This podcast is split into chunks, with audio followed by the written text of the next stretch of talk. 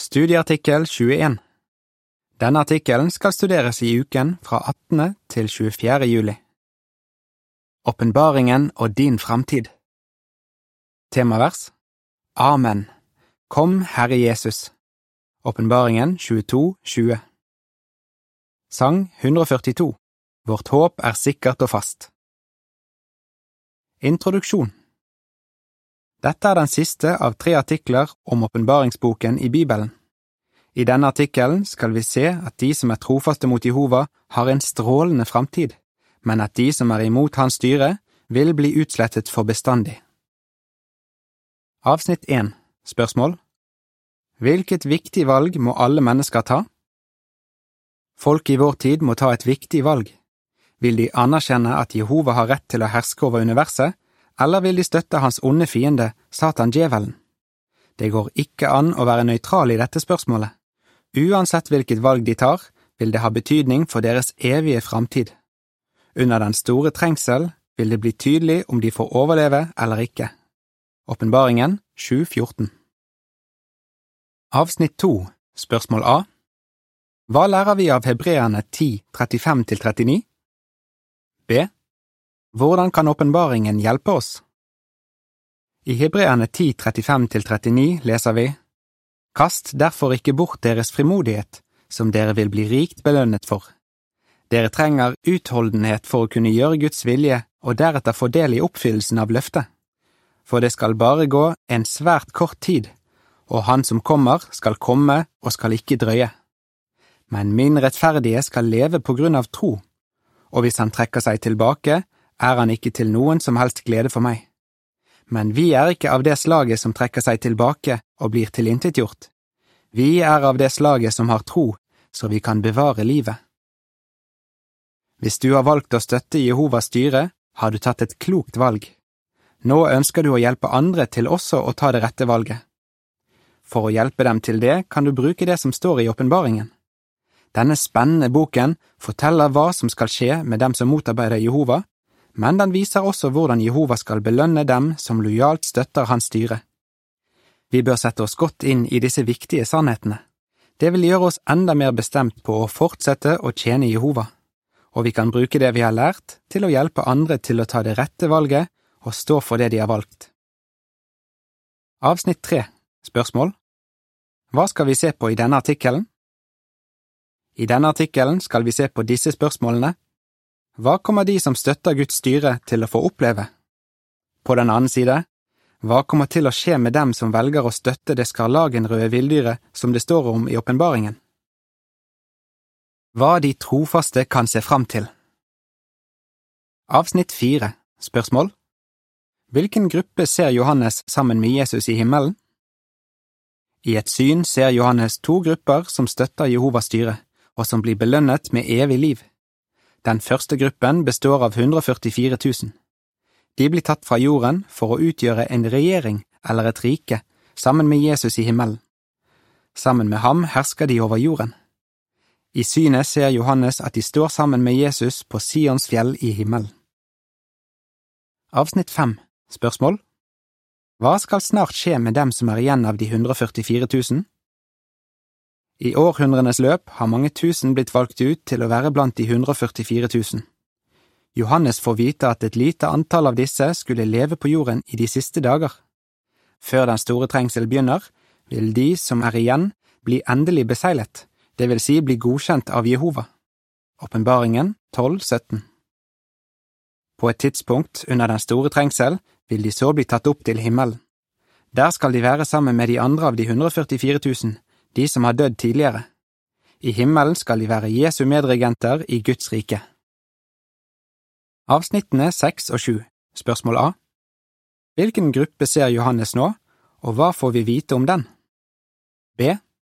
Hvorfor bør både de som er igjen av de 144 000 og den store skare være interessert i åpenbaringen kapittel sju?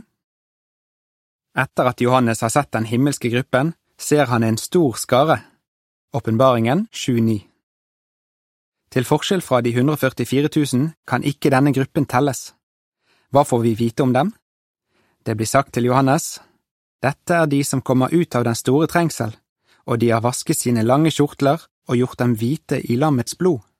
Åpenbaringen 7.14 Etter at den store skare har overlevd den store trengsel, vil de få leve her på jorden og glede seg over fantastiske velsignelser.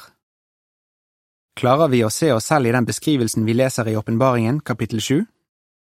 Det bør vi, enten vi har blitt valgt ut til å komme til himmelen, eller vi skal leve her på jorden. For en spennende tid det blir for begge grupper av Guds tjenere. Vi vil være så glade for at vi valgte å støtte Jehovas styre. Hva mer forteller åpenbaringen om den store trengsel? Hva som skal skje med dem som motarbeider Gud? Avsnitt åtte Spørsmål Hvordan vil den store trengsel begynne, og hvordan kommer de fleste til å reagere? Som vi var inne på i den forrige artikkelen, skal de politiske delene av denne verden snart gå til angrep på Babylon den store, all falsk religion. Denne hendelsen vil være begynnelsen på den store trengsel. Vil dette føre til at mange flere begynner å tilbe Jehova? Nei. Åpenbaringen, kapittel seks, viser hva de som ikke tjener Jehova, vil gjøre på det tidspunktet. De vil tro at de kan bli beskyttet av de politiske og kommersielle delene av denne verden, som sammenlignes med fjell. Siden de ikke støtter Guds rike, vil Jehova se på dem som motstandere. Avsnitt 9 Spørsmål Hvordan vil Jehovas folk skille seg ut under den store trengsel, og hva fører det til? Under den store trengsel vil Jehovas tjenere virkelig skille seg ut. De vil fortsatt være den eneste gruppen på jorden som tjener Jehova, og som nekter å støtte villdyret. Standpunktet deres vil provosere dem som motarbeider Jehova. Det vil føre til at en koalisjon av nasjoner angriper Guds folk over hele jorden. Dette blir profetisk omtalt som angrepet fra Gog av Magog. Avsnitt 10 Spørsmål hvordan kommer Jehova til å reagere på angrepet på hans folk, ifølge åpenbaringen 19, 19–21? Hvordan kommer Jehova til å reagere på dette ondskapsfulle angrepet? Han sier, Min voldsomme harme kommer til å flamme opp. Esekiel 38, 18 Åpenbaringen kapittel 19 beskriver hva som skjer videre. Jehova sender ut sin sønn for å forsvare sitt folk og for å beseire fiendene. Hærene i himmelen som består av de trofaste englene og de 144 000, vil kjempe sammen med Jesus mot Gog av Magog. Åpenbaringen 19, 11–15 Hva blir resultatet av denne krigen?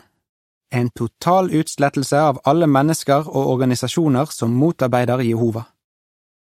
I Åpenbaringen 19, 19–21 leser vi, Og jeg så at villdyret og jordens konger og deres hærer var samlet for å føre krig mot ham som satt på hesten, og mot hans hær.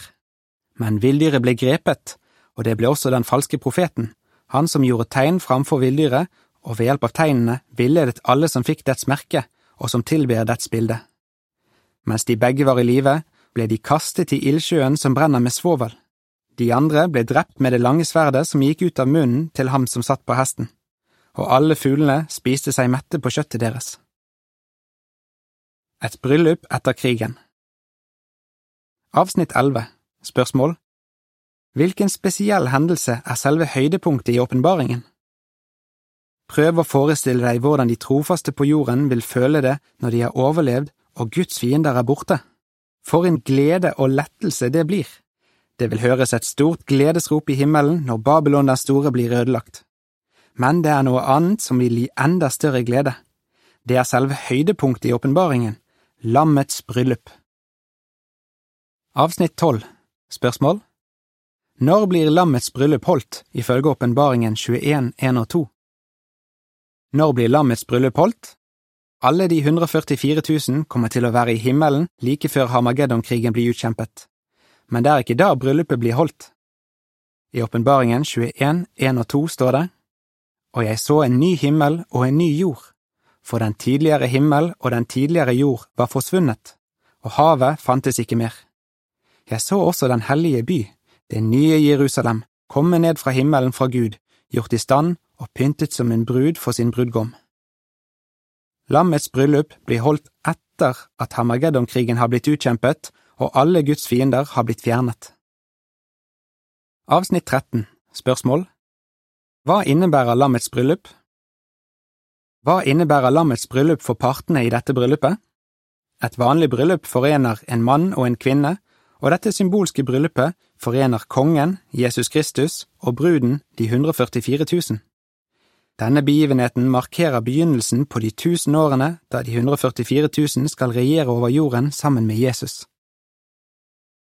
En strålende by og din framtid Avsnittene 14 og 15 Spørsmål Hva sammenligner Åpenbaringen kapittel 21 de 144 000 med?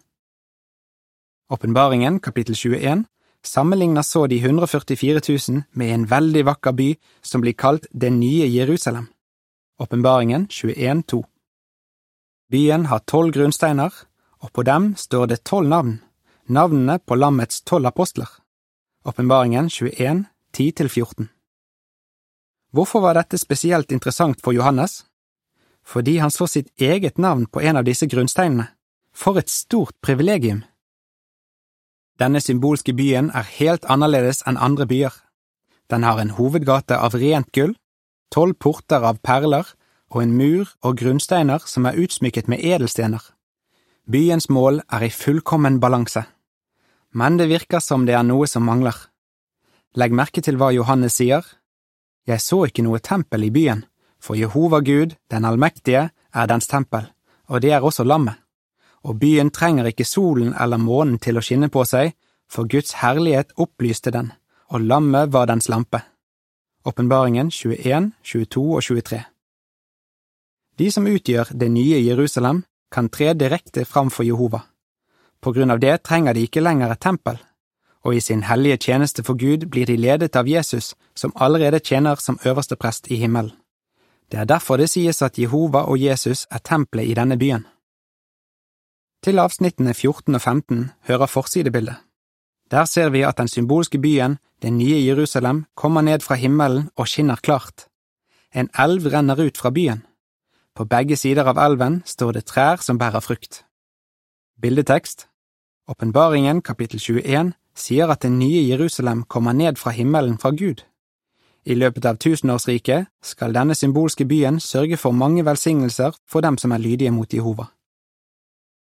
Avsnitt 16 Spørsmål hva vil menneskene få oppleve i løpet av tusenårsriket? Det er spennende for de salvede å tenke på denne byen, men de som har håp om å leve på jorden, har også grunn til å være interessert i den. I løpet av de tusen årene Guds rike hersker, skal det nye Jerusalem sørge for mange velsignelser her på jorden. Johannes ser disse velsignelsene renne som en elv med livets vann, og på begge sider av elven står livets trær, som har blader som virker helbredende på nasjonene. Åpenbaringen 22, 1 og 2 Alle som lever da, vil få nyte godt av disse velsignelsene.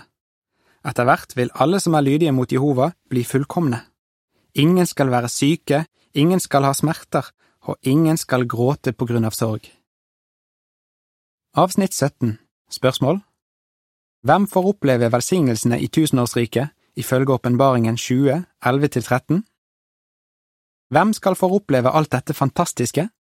De første som får oppleve det, er den store skare som overlever Hamageddon, og de barna som måtte bli født i den nye verden. Men åpenbaringen kapittel 20 lover også at de døde skal få livet tilbake. I åpenbaringen 20, 11–13 leser vi Deretter så jeg en stor, hvit trone og ham som satt på den. Foran ham flyktet jorden og himmelen bort, og de fantes ikke lenger. Og jeg så de døde, både store og små, står foran tronen, og bokruller ble åpnet. Det ble også åpnet en annen bokrull, Livets bokrull. De døde ble dømt etter det som sto skrevet i bokrullene, i samsvar med sine gjerninger.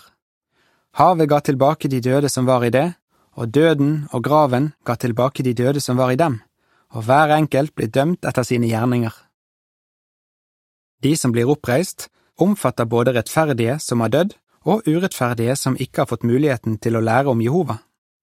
Betyr det at alle som har levd, kommer til å få en oppstandelse i løpet av tusenårsriket? Nei. De som helt bevisst sa nei til å tjene Jehova før de døde, vil ikke få livet tilbake. De fikk sin sjanse og viste at de ikke var verdige til å få leve i paradiset.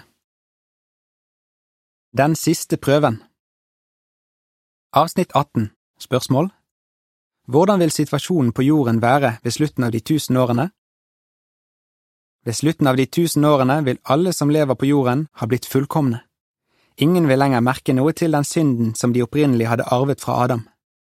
Den forbannelsen som Adams synd førte til, vil være helt borte. Fordi menneskene på jorden vil være fullkomne ved slutten av de tusen årene, kan det sies at de blir levende. Avsnitt 19 Spørsmål Hvorfor kommer menneskene til å bli satt på en siste prøve? Vi vet at Jesus fortsatte å være trofast mot Jehova selv om Satan satte ham på prøve. Men kommer alle fullkomne mennesker til å være trofaste mot Jehova når Satan får muligheten til å sette dem på prøve? Hver og en vil få vise det når Satan blir sluppet løs fra avgrunnen etter de tusen årene.